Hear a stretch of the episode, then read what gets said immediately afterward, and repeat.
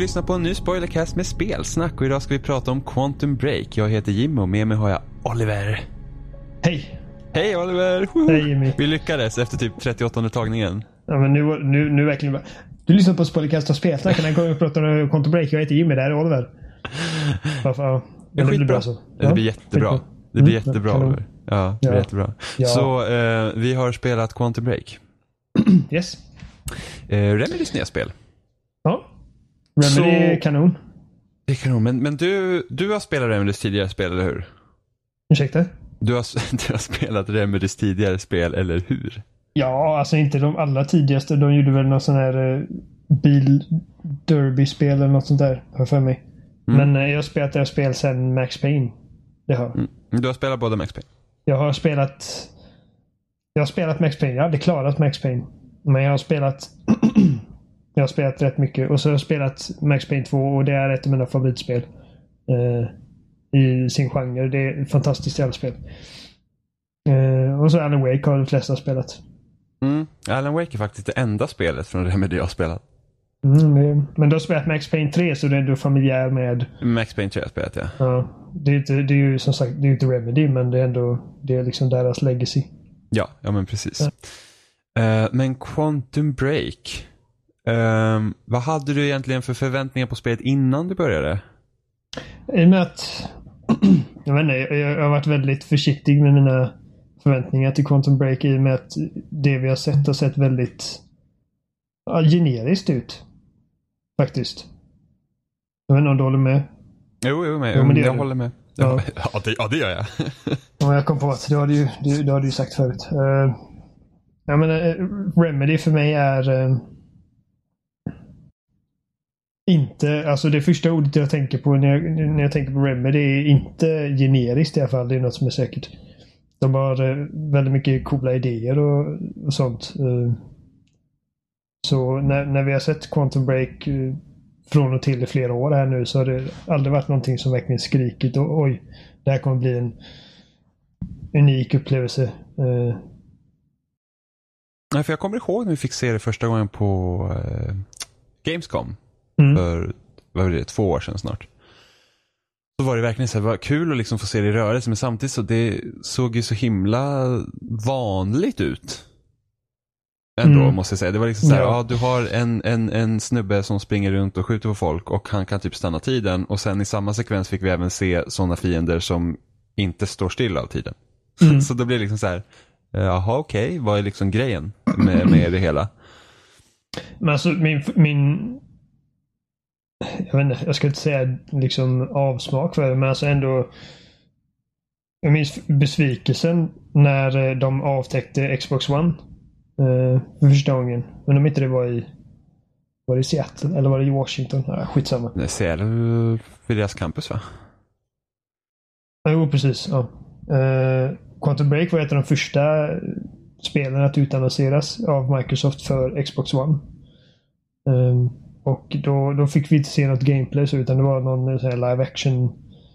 Eh, vad som förmodligen var en del av deras eh, live action satsning till spelet som vi nu vet inte har någonting med saken att göra. De har liksom bara scrappat allt det där. Men då, då, redan då var jag besviken över att det inte är ett Alan Wake 2 vi hade att vänta oss. Mm. Eh, för jag gillar verkligen Alan Wake. Det hade sina problem och jag tycker liksom att det, de hade kunnat fila på striderna i det spelet och försökt jag vet inte, ta ut kanterna lite. Eh, jag vet inte, eh, mindre bara springa i skogen i tre timmar i sträck och bara skjuta på saker. Och kanske men storyn gillade jag. Jag gillade karaktären. Jag gillade själva skådeplatsen och jag gillade Bright Falls. Jag gillade världen. Och jag vill ha jag vill ha ett ordentligt avslut på det spelet. Så en tvåa sitter jag fortfarande och längtar efter. Mm. Uh, jag var inte alls lika förtjust i Alan Wake. Uh, och mycket på grund av striderna. Det var... Ja, men jag förstår det. Tröttade ut mig totalt mot slutet. Men, för det, det är en grej, de här live action sekvenserna För de är, det, det är ju kvar i spelet. Det var, liksom, mm. det var ju Microsofts stora grej. Liksom, de ska ju öppna ju så här, typ så här, tv-seriestudio. Liksom ska ha massa grejer. Vi väntar fortfarande på den här Halo tv-serien med Steven Mycket Spielberg. Mycket som har hänt på det planet. Ja precis, så frågan är om det kommer hända. Men, men jag var ju till och med på den nivån liksom att det kanske inte kommer någon live action sekvenser till Quantum Break. Men det bekräftar de ganska snabbt. Ja, precis. Jo. Eh, men då var det så här att ja, har de skräpat det också, men det är kvar. Vad, vad känner du liksom? Så att jag, jag, jag känner rent generellt sett liksom att jag tyckte det var ganska trevligt att titta på de här, eh, den här tv-serien så att säga. Eh, mm. Att det var liksom, det var ett ganska skönt avbrott ändå i spelet när de väl kom. Jo, eh, men uh, samtidigt är de ju bara... Kan ju, de är ju man kan ju likna det med långa mellansekvenser helt enkelt. Det är inte, det är inte konstigare än så egentligen. Någon som har spelat vilket Metal Gear Solid som helst vet ju liksom hur det känns att få sitt spel avbrutet av eh, långa filmer. Och jag älskar ju Metal Gear Solid så att, att, att bli avbruten och tas ut från spelet då och då är inte ett koncept som är helt främmande för mig. Det är ingenting jag tycker automatiskt är dåligt heller. Uh, det speciella egentligen med de här var ju det att de här mellansekvenserna handlar ju i mestadels inte om de huvudkaraktärerna vi faktiskt ser när vi spelar. Utan det här handlar ju mer om personerna som liksom eh, som är lite mer behind the scenes som man säger så. Mm. Som, som liksom deras, vad de gör påverkar ju storyn men det är ju liksom inte det är ju inte huvudpersonerna som vi ser oftast. Paul är väl med någon gång och Jack är väl med någon gång. Men det mestadels är det ju liksom de här Eh, Liam och, och, han eh, Charlie och sen Fiona som liksom står i centrum. Mm. Alltså eh, innan vi börjar gå in på story-detaljer och sånt, för det är ingen idé att vi gör det på det sättet. Men det jag känner, jag, jag är lite kluven till eh, de kallas junctions, de här avsnitten. Det finns fyra stycken genom hela spelet. Och de händer mellan akterna, så det finns fem akter. Och de är 20 minuter styck, har för mig. Mm. Ja. Så det är 80 minuter eh, av eh, live action material här för dig. Eh, jag tycker att det är... Jag tycker att det var okej. Okay. Det finns ingen skådespelare där som verkligen suger. Det finns ingen skådespelare som verkligen äger heller. Det är... Jag skulle beskriva det, För mig känns det mer som ett experiment från Remedys sida. Att, eh, att sammanfläta spelmediet och seriemediet eh, sömlöst. Eh, snarare det känns som ett försök att, för dem att liksom ta deras narrativ till nästa nivå. Eh, och det funkar. Det, det var helt okej okay, tycker jag. Det, det, det, jag tycker inte säga att någonting av det var dåligt på något sätt. Eh, produktionsvärdena är liksom godtagbara. Eh, ambitionerna är helt okej. Okay. Men tycker du, att de, tycker du att de lyckas med att slå ihop två medier på ett tillfredsställande sätt? Eller känn, för att jag är väl mer inne på spåret liksom att, alltså. Jag känner att spelet hade klarat sig jättebra utan uh, ja, live action-komponenten helt och hållet. För jag känner liksom lite att, alltså för mig så är det så att jag tycker ändå att det gav, man fick ändå se en annan sida av Monarch där. Att det är liksom mm. personerna som arbetar för det företaget, liksom, det är inte den här onda eh, företaget och de här människorna påverkas av det Paul gör. Mm. Men samtidigt känner jag också att det här liksom att det här experimentet med att försöka liksom blanda både spel och tv-serie. Jag tycker liksom inte att det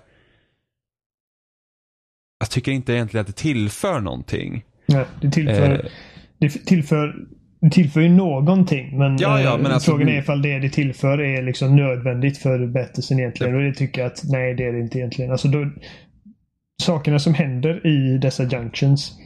Eh, det är ju de viktigaste delarna ur det som händer i, dessa junctions hade man ju kunnat berätta på annat sätt i spelet också. Så att jag, alltså jag, jag hade att... inte behövt ha mer text att läsa. I spelet till exempel. Det är så himla många dokument som man läser. Ändå, frågan är hur, hur man hade berättat det. För att, för att en, en, sak som jag tycker att spel, det är ganska ofta vanligt liksom problem i spel och vad som skiljer spel från eh, film eller andra saker, att du har ju ofta bara ett perspektiv. Du ser ju allt från, spel, eh, från eh, karaktären du styr. Vilket gör att du inte hoppar på det sättet. Nu styr Nej. du ju både Paul och Jack i spelet, men Paul har ju en väldigt, väldigt liten roll egentligen. Eller stor roll på det hela, men en väldigt liten roll i som du agerar egentligen. Mm. Um, och, och, och, det här är ändå ett sätt att du får liksom se berättelsen från flera olika perspektiv, men samtidigt är det jättetråkigt att du inte gör det genom att faktiskt spela, utan du, du betraktar. Ja, och idén med att utforska liksom båda sidor av det här myntet det är jag inte alls, har inte alls något emot. Uh, jag tycker att jag tycker att Paul Serene är spelets mest intressanta karaktär. Med råge. Uh, medans, det håller jag med om. Ja, Medan Jack känns alltså, jättetråkig. Jag tycker att han är spelets största problem egentligen. Att man, vi vet ingenting om Jack. Vi vet inte vad som driver honom. Och, jag vet inte, jag, jag... För, för den enda drivkraften egentligen i Jack det är liksom det att han tror att Will dör i början. Mm. Och, och då blir det någon form av så här hämndaktion mot Paul samtidigt som man liksom ska försöka stoppa eh, ja, men the end of time liksom. Ja men det, och, det är Beth Wilder som liksom styr in han på det spåret uh, en bit in i spelet. För han är ju väldigt hämndlysten i början. Mm, ja men precis, men det, eh. det, är liksom huvudmålet är ju egentligen att, att se till att världen inte går under om man säger så. Um, ja, men det var en grej som störde mig med Jack. Att jag, jag, ville liksom lära känna honom på ett djupare plan än vad vi fick. Uh, jag, jag, jag, väntade liksom hela tiden att ja, men nu, nu kommer det mellansekvensen någonting som går in mer på djupet det, finns inget riktigt, det finns liksom inget riktigt driv i honom och sen samtidigt nej. Eh, det här med att han tror att Paul har sett till att Will dör men samtidigt den Paul, alltså början av spelet när man kommer till det här universitetet då träffar du ju Paul och de är bästa kompisar. Och sen så mm. händer det här med tidsmaskinen och han får se en mycket äldre Paul komma ut och Paul ser till så att döda Will. Men det finns inga reflektioner i Jack, liksom att hans bästa kompis Jag vet. Liksom jag, han blir direkt liksom bara så här full on liksom, nej, Paul måste dö för att han gjorde den här hemska grejen. Men det är liksom, den vändningen går så fort finns, på det sättet. Och det finns ja. ingen reflektion liksom att, vad är det som egentligen har hänt? Varför gör han det här? Och det är inget som karaktären reflekterar över sig egentligen heller. Något som en spelet tar upp mer. Nej. Det tycker jag är jättetråkigt för där var ju ändå ett tema som man hade kunnat undersöka mer. Och då, för all del, berätta då det i live action sekvenserna kanske. Liksom. Jag vill, jag vill bara först och främst eh, innan vi fortsätter på det här mm. planet mm. säga liksom att både du och jag gillar spelet. Ja, absolut. Jag tycker att men, spelet är bra. Hittills kanske det låter som att vi är väldigt negativa men eh, vi tycker spelet är, liksom, har, verkligen har sina poänger. Och eh, Jag skulle rekommendera det till vem som helst egentligen. Men jag vet precis vad du menar för att det störde mig verkligen jättemycket. Eh, att vi aldrig får se Jack riktigt reagera som en person rimligtvis borde reagera på situationen han sätts i. Eh, men hade du... Hade jag träffat en äldre version av dig och du hade dödat min lillebror. Eh, så hade jag, alltså det hade ju, det hade ju krossat mitt hjärta. Jag hade inte förstått liksom vad fan är det som händer. Eh, han, han, det finns ingen punkt i storyn där Jack försöker konfrontera eh, vad heter han? Paul. Och försöka förstå liksom, vad det är som har hänt med honom som gör att han agerar som han gör. Ja, inte ens i det Junction-valet när man eh... Man får chansen som när man Paul att, att försöka Paul. förklara eller Precis. försöka nå fram till Jack. Men Jack in... är helt onålig. Ja, liksom där hade de ändå en chans. Den scenen blir rätt tråkig. För att ja. det hände liksom ingenting egentligen. Utan det var bara det att Paul kommer in liksom han Eftersom han liksom har sett vad som komma skall då så liksom blir han Ja men typ Jack vet inte bättre och Jack är bara så du dödar min bror liksom jag ska ha ihjäl dig. Det liksom går inte längre än så egentligen. Nej, för det, det, det är en av grejerna jag tycker är intressant med Paul är att han drivs inte av, eh, av personlig vinning eller, eh, eller girighet eller något sånt utan han, han har bara gått igenom en pers och insett att liksom vi är körda och det finns ingenting vi kan göra för att förhindra det. Uh, och han vet att Jack och Will kommer försöka liksom hejda honom i vad han har gjort till sitt mål är att liksom se till att delar av mänskligheten överlever detta. Mm. Och jag undrar om inte han, eh, anledningen till att han gör det här Project Lifeboat och ska rädda mänskligheten på det sättet för att han vet att han inte kan stoppa det som händer. Mm. Det, det här är ju en, en, pågående debatt liksom inom spelet. Är det, kan du ändra tiden eller kan du inte? För att alla de händelser som sker i spelet har ju liksom redan hänt. Mm. Liksom Will dör ju till exempel inte för att Jack, framtids-Jack räddar honom vid det tidpunkten. Ja, men det, vet man inte, inte om i början av spelet. Nej, för um, det är ju inte ehm. så att han dör och sen så åker man tillbaka och sen räddar man honom och då är han inte längre död utan han, han dog aldrig. Nej, så precis. teorin är ju liksom att oavsett vad du kan tänka dig göra i framtiden så har det redan hänt. Uh, ifall uh, Beth säger det att hon, hon försökte gå tillbaka i tiden och förhindra att Jacks föräldrar dör men det bara gjorde att de dog från första början. Ja men precis, att, för att det som har hänt har alltid hänt. Ja, det är redan skrivet i sten. Precis. Uh, och därför undrar om inte det var därför Paul istället för att använda den här countermeasure som Will gjorde uh, för att försöka stoppa allting var att han insåg att det, det liksom det, det, det kommer inte ändra på någonting. Vilket gör att han istället Nej. satsade då på att göra Project Lifeboat så kanske någon kan lösa det i framtiden trots att tiden står still liksom, över allt annat. Jack är ju inte lika, alltså Paul har ju varit med den här och rest i tiden redan. Han har liksom lärt sig eh, fysikens regler. Eh, på, ett, på den hårda vägen så att säga. Medan Jack är ju helt, han är ju nybörjare till detta. Och han är försöker fortfarande lista ut ifall det går att ändra saker och det är det han försöker göra genom hela spelet. är att han, nej jag ska gå tillbaka och se till att inget av det här händer. Medan Paul redan har insett att han har också gått igenom det. Han har också försökt gå tillbaka och ändra saker men det går bara inte. Um... Därför blir jag så himla, för i slutet liksom när, när man är med Will och Jack och Will liksom är såhär, ja, ah, dåtiden är satt i sten men man kanske kan ändra framtiden. Eller så framtiden är inte det. Men där tog jag redan liksom så här när det kom, kom till berättelsen var det så här att men det kan ju inte stämma heller för vad är framtid Nej. och vad är dåtid? Det liksom finns ju inget, du kan inte lägga ut tiden på ett plan liksom och säga att det där, är, det där är liksom dåtiden och det här är nutiden med tanke på att allt det här existerar ju samtidigt egentligen. Jo. Så att, så att bara ja, för att de inte kan gå tillbaka och ändra så kan de inte åka fram heller egentligen och ändra någonting. Jag bara antog att de liksom, de vet ju inte vad som kommer hända i framtiden riktigt. Uh... Nej precis. Uh, Men, och då uh... försöker han ändra på det. Ja. Uh, jag bara försöker pussla ihop allting. Uh, det, det, det är mycket att hålla koll på. Uh, nej, men, i, I alla fall, jag, jag gillar skurken. Jag tycker hjälten är tråkigast i hela spelet. Jag gillar, jag gillade Beth Wilder även om hon alltid har samma ansiktsuttryck jämt. Från början till slut. Så är hennes eh, resa hon gör genom spelets gång är verkligen intressant för mig. Det är möjligtvis till och med att spelet hade kunnat vara intressant när de faktiskt var Beth vi spelade som. Ja. Jag tänkte liksom att, för att eh, för en häftig grej i spelet är när du åker tillbaka till 2010. Ja. Tänk om du istället hade åkt tillbaka till 99 med Beth. Ja, och, och fått och, spela och få, alla de få spela liksom, Ja, precis. Få spela fram till det och ha liksom, det hade ju varit jätteintressant. Skitcoolt hade det varit. Det är mm. kanske lite för stort i sitt scope. Nej, absolut, men det hade ju varit, eh, för att eh, Beth är ju också en intressantare karaktär. Ja. För det, det är när man, när man äh, återförenas med henne äh, där efter att hon har skickats fram och sen tillbaka. Äh, Jack var den enda som faktiskt kom dit han skulle.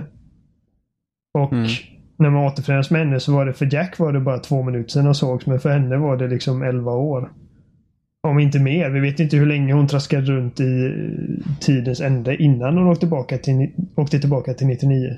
Nej men precis. Och det, är bara, det är en helt annan människa man träffar och jag liksom, man försöker greppa hur det måste kännas för henne. Hur sjukt det måste vara att återse Jack efter alla dessa år. Liksom när man nästan gett upp hoppet. Och jag, jag tyckte verkligen det var jag vet inte, bara konceptet med var väldigt fängslande för mig. Uh, Men sen, jag vet inte. De gör inte så jävla mycket med det heller. För att hon blir dödad direkt efter. Ja, men jag undrar om inte det är ett sätt också för att ytterligare stärka Pauls motivationer. För att hon åker Ja. tillbaks, hon har också sett att det spelar ingen roll vad hon gör. Det, det är liksom, det händer. Så att hon kan inte göra någonting det. Och sam, samma var det för Paul och då liksom blir han såhär, okej, men om jag inte kan stoppa det som händer, vad är min lösning då? Mm. Ja, precis. Och det, det är ju någonting han eh, resonerar kring i en av hans, hans dagböcker man hittar. Liksom att han, Mm. Och hon också. Att tänk om, tänk om, för att hon började ju skjuta efter honom. När de kom till tidens ände. Mm. Och då i efterhand så började hon tänka liksom, tänk om att det var jag och mitt, mitt agerande mot honom. Att jag började jaga honom. Som gjorde att han blev den han är nu. Mm. Eh, precis som han resonerar liksom att om inte hon hade behandlat mig så fientligt så hade jag jag blir starkare av det liksom.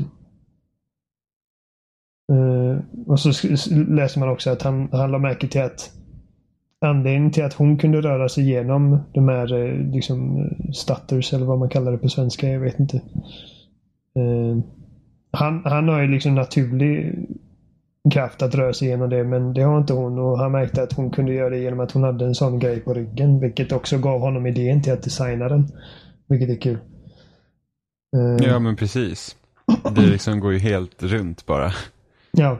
Det är bara ett virrvarr av... sam, ja, men samma sak som det är Beth som ser till att Will gör countermeasure ja, från jo. första början. Ja, och, det är liksom Och det är hon, och den idén har ju att fått Beth- av Will. Liksom, så det är jättekonstigt. Ja, och Beth ser till att, eh, att Beth i forntiden kommer in på rätt bana. Genom att besöka henne så är hon 11 år eller vad hon är. När hon träffar sig själv första gången.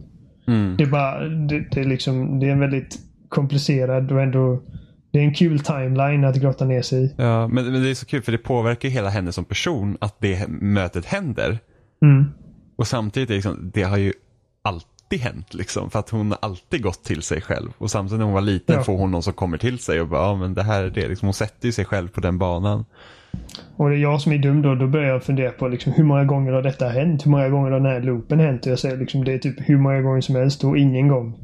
Det är, Nej, liksom, men, för det det är behöver inte, idé att ens... nej men alltså det är bara för att det behöver inte vara en loop egentligen utan det har bara hänt. ja. För att det är inte som att det går om och om igen utan det är bara om, om tiden om tiden inte är linjär liksom att allt existerar samtidigt så händer det liksom det har hänt Ja. bara. Det är väl så man får se det. Eh, men jag tänkte bara det.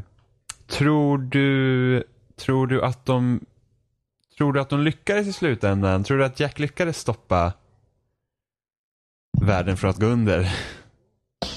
Alltså första gången så resonerade jag inte så mycket kring det. Liksom, jag förväntade mig inte att jag skulle ens behöva fråga med det. Eh, men sen så, det var ju du som skrev till mig. Bara, "Öh, jag tror så här, så här. Och då började jag tänka efter. Och det finns ju ingenting i spelet som eh, som styrker Alltså så här, vi vet att, vi vet att tidens ände inträffar. Och vi vet också att allting som de har försökt ändra. Det, det, har, inte, det har inte gått att ändra det. För att det, har, Så- det är faktiskt så det har hänt. Det är så det har gått Ja, till. det, det är redan bestämt. Det vi vet är att den här countermeasure som de använder, den får, den stabiliserar det som händer, det som startas när Paul går in i tidsmaskinen första gången. Ja. Eh, Alla de här stutters och eh, alla de grejerna, de bara upphör. Så att, och det är därför de gör eh, bedömningen att ja, men vi har, vi har eh, löst detta nu. Men samtidigt vet vi också att de säger inte det ra- rakt ut men det hintar starkt i Bets eh, dagbok att det är 2022 tror jag. Ja, det, det finns även på eh, när du är vid Pauls kontor så har han ju de här typ jättemånga så här whiteboards på rad. Ja. Där han har lagt ut hela sin tidslinje så är det också så här 2022 eller något sånt där. Och jag tror att det är år 2015 de stoppade va? Det är väl där det spelet slutar. Eller om det är 16. 2016. Ja.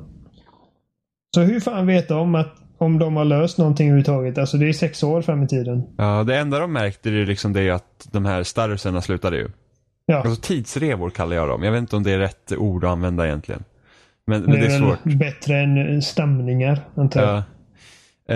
Eh, så, så ja, de lyckades ju stoppa det där, men det säger ju ingenting att något annat kommer att hända i framtiden. För att det som fick mig, det som fick mig att misstänka att, liksom att man egentligen inte har gjort någon skillnad är det att när man som Jack eh, i fram, alltså när man då som framtidsjack åker tillbaka i tiden för att rädda Will.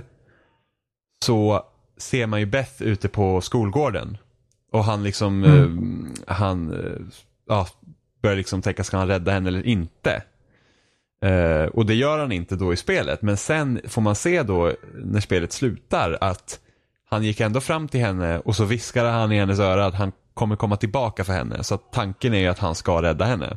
Och då slog det mig en tanke som att okej, okay, de lyckades stoppa så att tiden stabiliserade sig. Men när han försöker gå tillbaka och rädda henne, då startar allt igen. Mm. Och det är så tiden slutar egentligen. Så att det här, det som Paul och det gjorde, det hade liksom egentligen ingenting med saken att göra. Det var bara en så här olycklig, olycklig grej som hände. Men att tidens slut börjar egentligen när han ska gå tillbaka och rädda Beth, för då fuckar han med allt igen. Då det är ju rena spekulationer igen. än så ja, länge. Men alltså, jag håller med dig. Det, anledningen till att den här skiten började var för att någon jävel uppfann en tidsmaskin och började hoppa fram och tillbaka. Um, utan att riktigt förstå sig på det. Mm. Och de här tidsmaskinerna existerar fortfarande. Liksom. Det finns ju ingenting som säger att en olycka inte kan hända igen och den här gången ännu värre. Men precis. Uh, för att jag menar, Paul Paul tog maskinen och hamnade 2022. Åkte tillbaka. Byggde sitt imperium, bla bla bla. bla. Sen dör han år 2016. Han vet ju inte vad som händer mellan 2016 och 2022. Nej. Han måste ju bara arbeta utefter uh, uh, presumption. Alltså jag och svenska vet du. Han tror, men...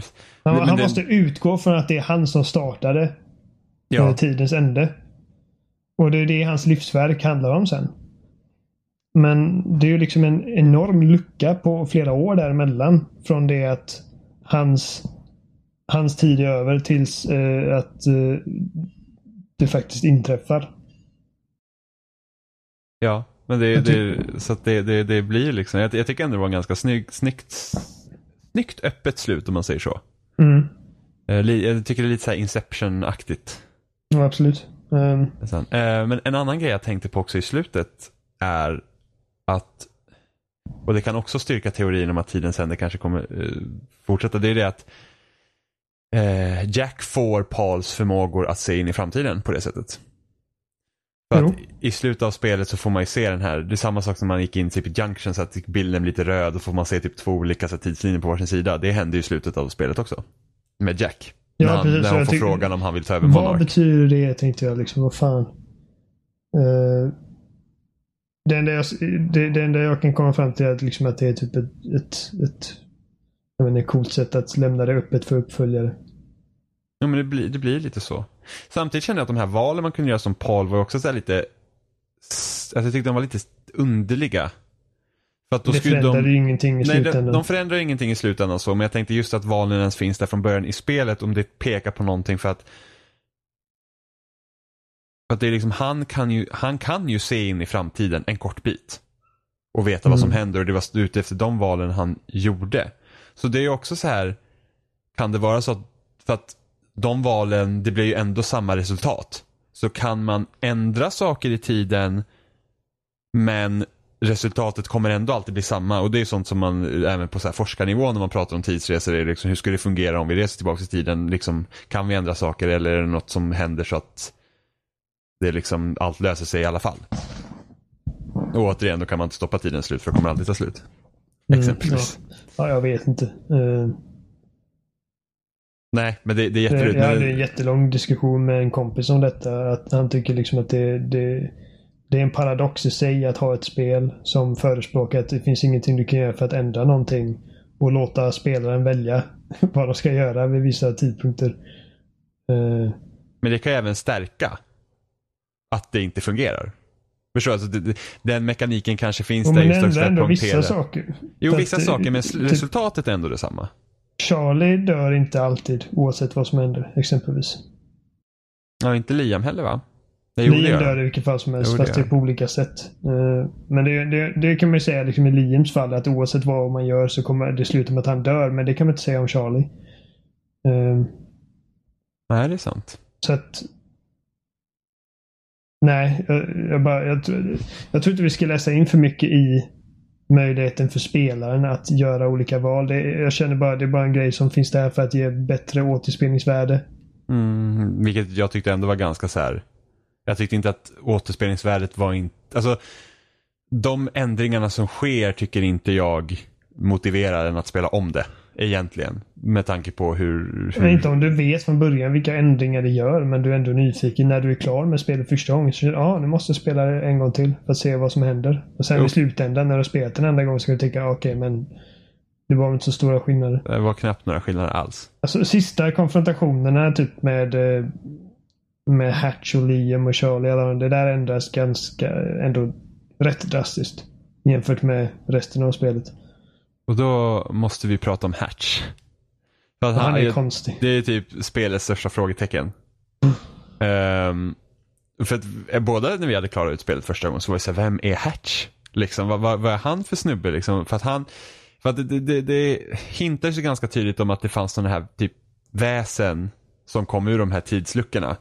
Shifters. Som, ja, precis som var typ som monster. Och, och, och så som jag förstår det så Hatch blev en shifter.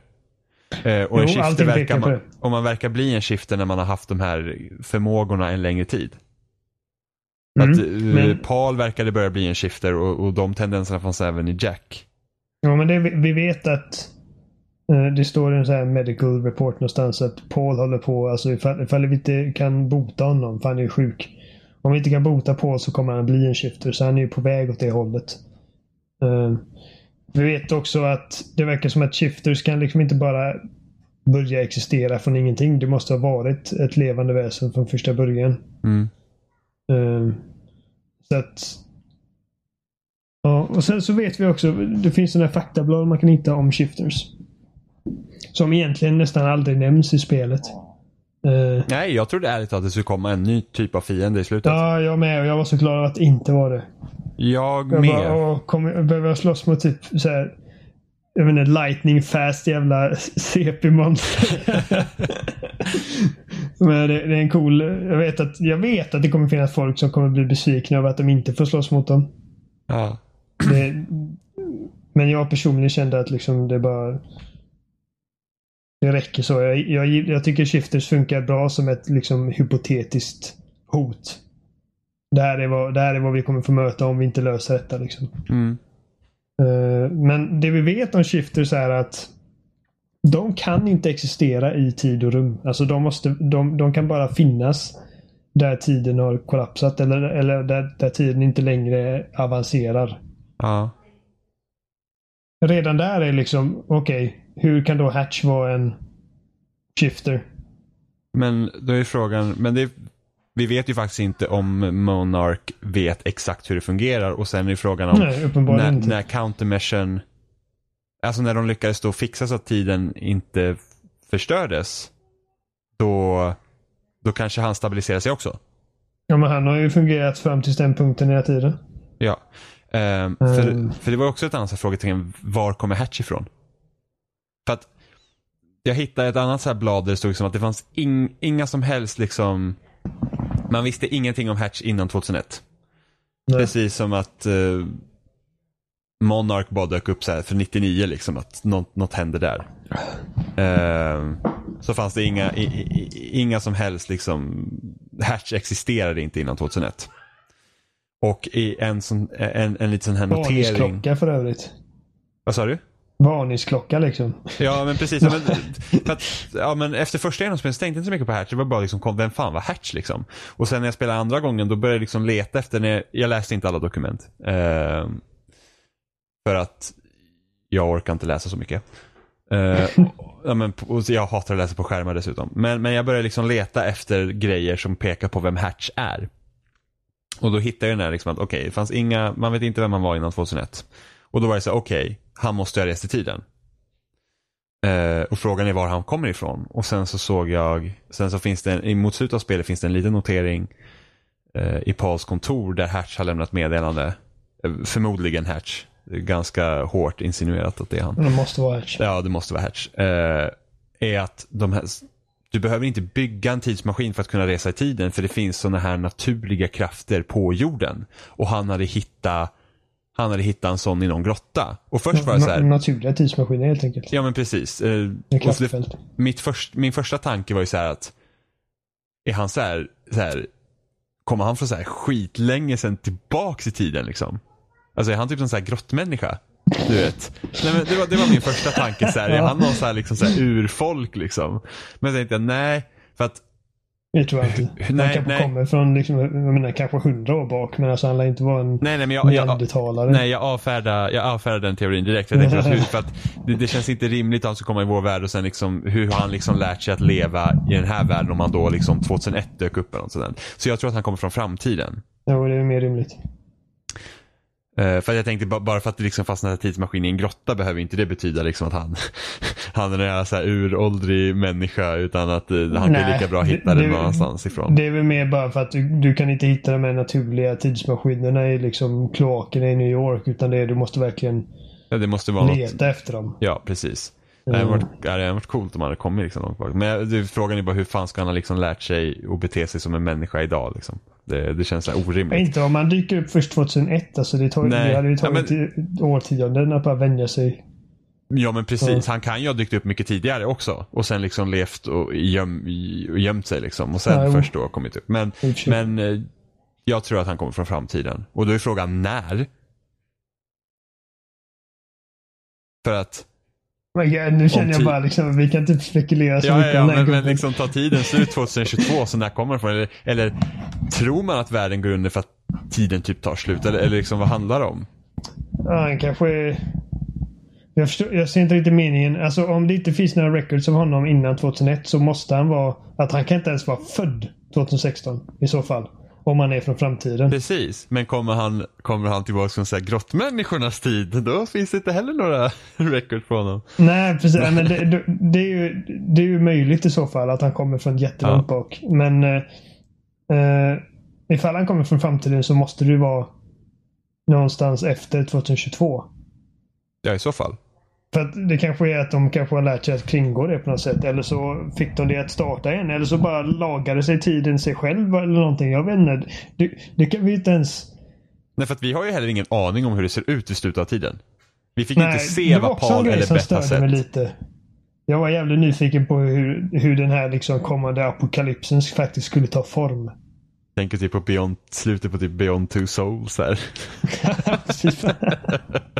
ja, ja, men, ja, men nästan. Nej, det tror jag inte. nej, nej, nej, absolut inte. Men alltså det, när man får se dem röra sig i den perioden så det är liksom väldigt mörkt omkring. Men alltså de har ändå lyckats ta sig till en tidsmaskin och ta sig tillbaka till 99. Så att det, det kan inte bara vara ett oändligt mörker heller. Nej, för det var ju så konstigt, för det var första jag liksom tänkte på liksom att de lyckades på något sätt ehm, om att de lyckades typ använda den tidsmaskinen som, som de hade åkt dit med. Men, men det stämmer ju inte heller för att Paul, Paul kan ju inte åka tillbaks med samma tidsmaskin som gått. Eh, för att han måste ju tillbaks, alltså han behövde ju hitta Wills tidsmaskin. Mm. För att han kan inte komma tillbaks till 99 med den tidsmaskinen han själv hade gjort. För att regeln var att tidsmaskinen kan enbart gå åka tillbaks så långt som tills den var uppfunnen. Ja, men det är klart. Ja. Eh, Beth Man kommer ju däremot, ut från samma eh, liksom, maskin. Precis, Beth däremot eh, kanske inte har sett så mycket av slutet av tiden. För att hon var ju ändå på plats. Hon, hon har ju ändå åkt med den tidsmaskinen. Alltså Paul har ändå rört sig, måste ju ändå rört sig relativt eh, mycket över. Och vi anledningen vet, att- vi vet att det de är här- en stund han- i alla fall. Det är, inte, det är inte ett par timmar de har varit där. Det är, Nej, det är dagar, veckor, månader. Ja, ja precis. Och vem, och, och vem vet det? För om tiden står still, hur ska man veta hur länge man varit där? Liksom? Det är bara din egen tidsuppfattning. kanske är någon sån här Sagan om ringen-grej som Gandalf. Liksom. Han kändes som typ en dag så en miljon år. men eh, för att Paul har ändå rört sig. Han, men han hade ju sina krafter så det är också anledningen till att han kunde röra sig där. Och samtidigt Beth Mm. hade ju sin den här eh, mekanism. Ja, precis. Som Någonting. gjorde att hon kunde röra sig också där. Men det, det, det hade varit intressant att se hur det såg ut. Sen vet man inte om de gör en uppföljare kanske vi får se det. För att Ja. om vi har rätt i våra teorier så är det ju inte slut än. Eh, precis. Det, ja, de lämnar det väldigt öppet. Vilket jag inte har någonting problem med så. För att jag känner att när man är klar med spelet så har man ändå lyckats uträtta vad man skulle ha uträttat i början.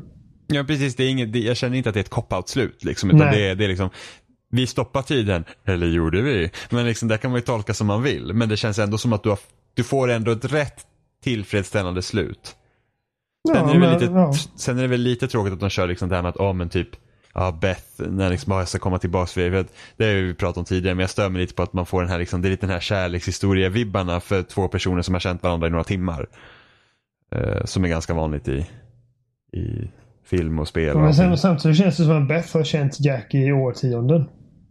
Ja, hon vet ju mer vem han är, men alltså, det uh, behöver inte bli någon romans för det. Nej, nej, nej. Jag, det, det är bara det jag lite stör Jag vet inte om jag håller med dig om att det inramas som en romans. För nej, de, jag, de alltså, rör nej, aldrig varandra mer nej. än typ axelklappar. Ah, ah, ah, ah. Det finns faktiskt en ganska intim handhållning nästan. ja, när hon håller på att typ bryta ihop. Liksom. Ja, men, jo men alltså det, jag, jag, jag tycker att det pekar ändå lite på den här grejen som man skulle kunna tänka sig att åh det blir de två du vet. Jo, jag säger inte emot. Uh, jag säger nej, bara nej, liksom men... att, för, mig, jag, jag, jag, för mig känns det li, liksom lika mycket som att de bara har blivit vänner. Liksom.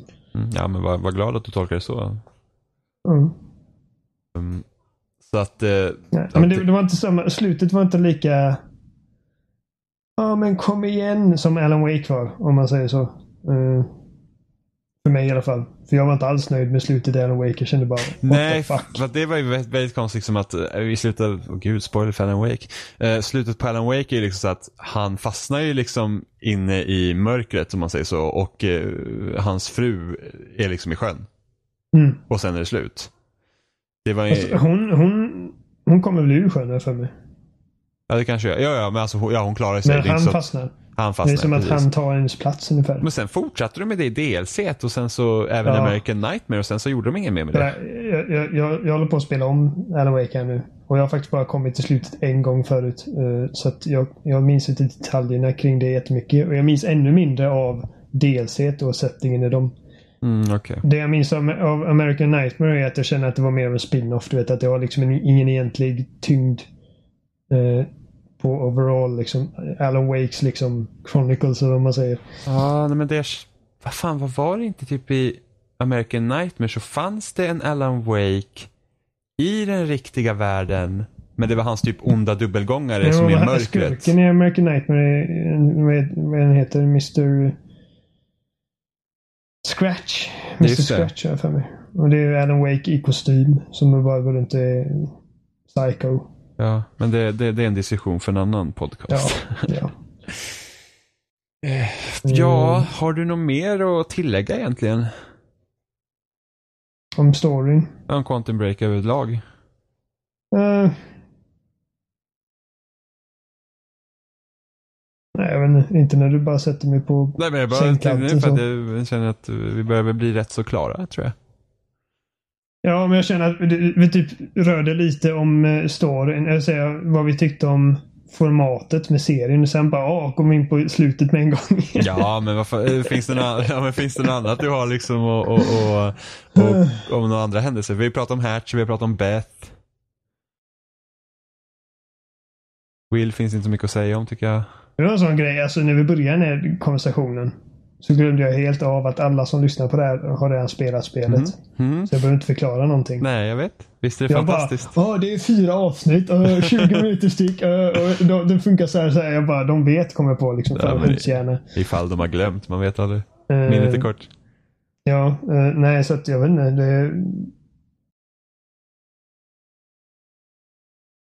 Mitt, in, inte, mitt... Det fanns ingen Pose of the Fall musik. Uh, vilka är det? Vad fan. Filthy Casual. Filthy uh, Casual. Poets of the Falls skrev, eller de, de hade... De använde Poets of the Falls låt uh, Late Goodbye som eftertexter i uh, Max Payne 2. Mm. Och sen hade de deras singel War med på, på en av radio... Ja, på de här, man kan liksom lyssna på radio från, från till i Alan Wake. Och de hade också det här fiktiva bandet Old Gods of Asgard. Du vet de här två gamla gubbarna mm, på mm. mentalsjukhuset. Eh, och deras... Så att Post of the Fall skrev två, eller om det var tre låtar för... Eh, för Alan Wake. Uh, och det liksom hade texten i den här typ Poet and the Muse den liksom, var väldigt viktig för storyn. Så att jag bara tycker att det var coolt liksom att fortsätta det här typ eh, samarbetet Remedy har haft med det bandet även i Quantum Break. Om det så bara var... För det var en grej jag var helt säker på när man hittar en sån här plansch med Jacks gamla band. Eh, och så ser man eh, Sam Lake med eh, Jack där. Eh, och eh, Nick börjar spela en av deras låtar på stereon. Så tänkte jag nu kommer Pulse of Fall.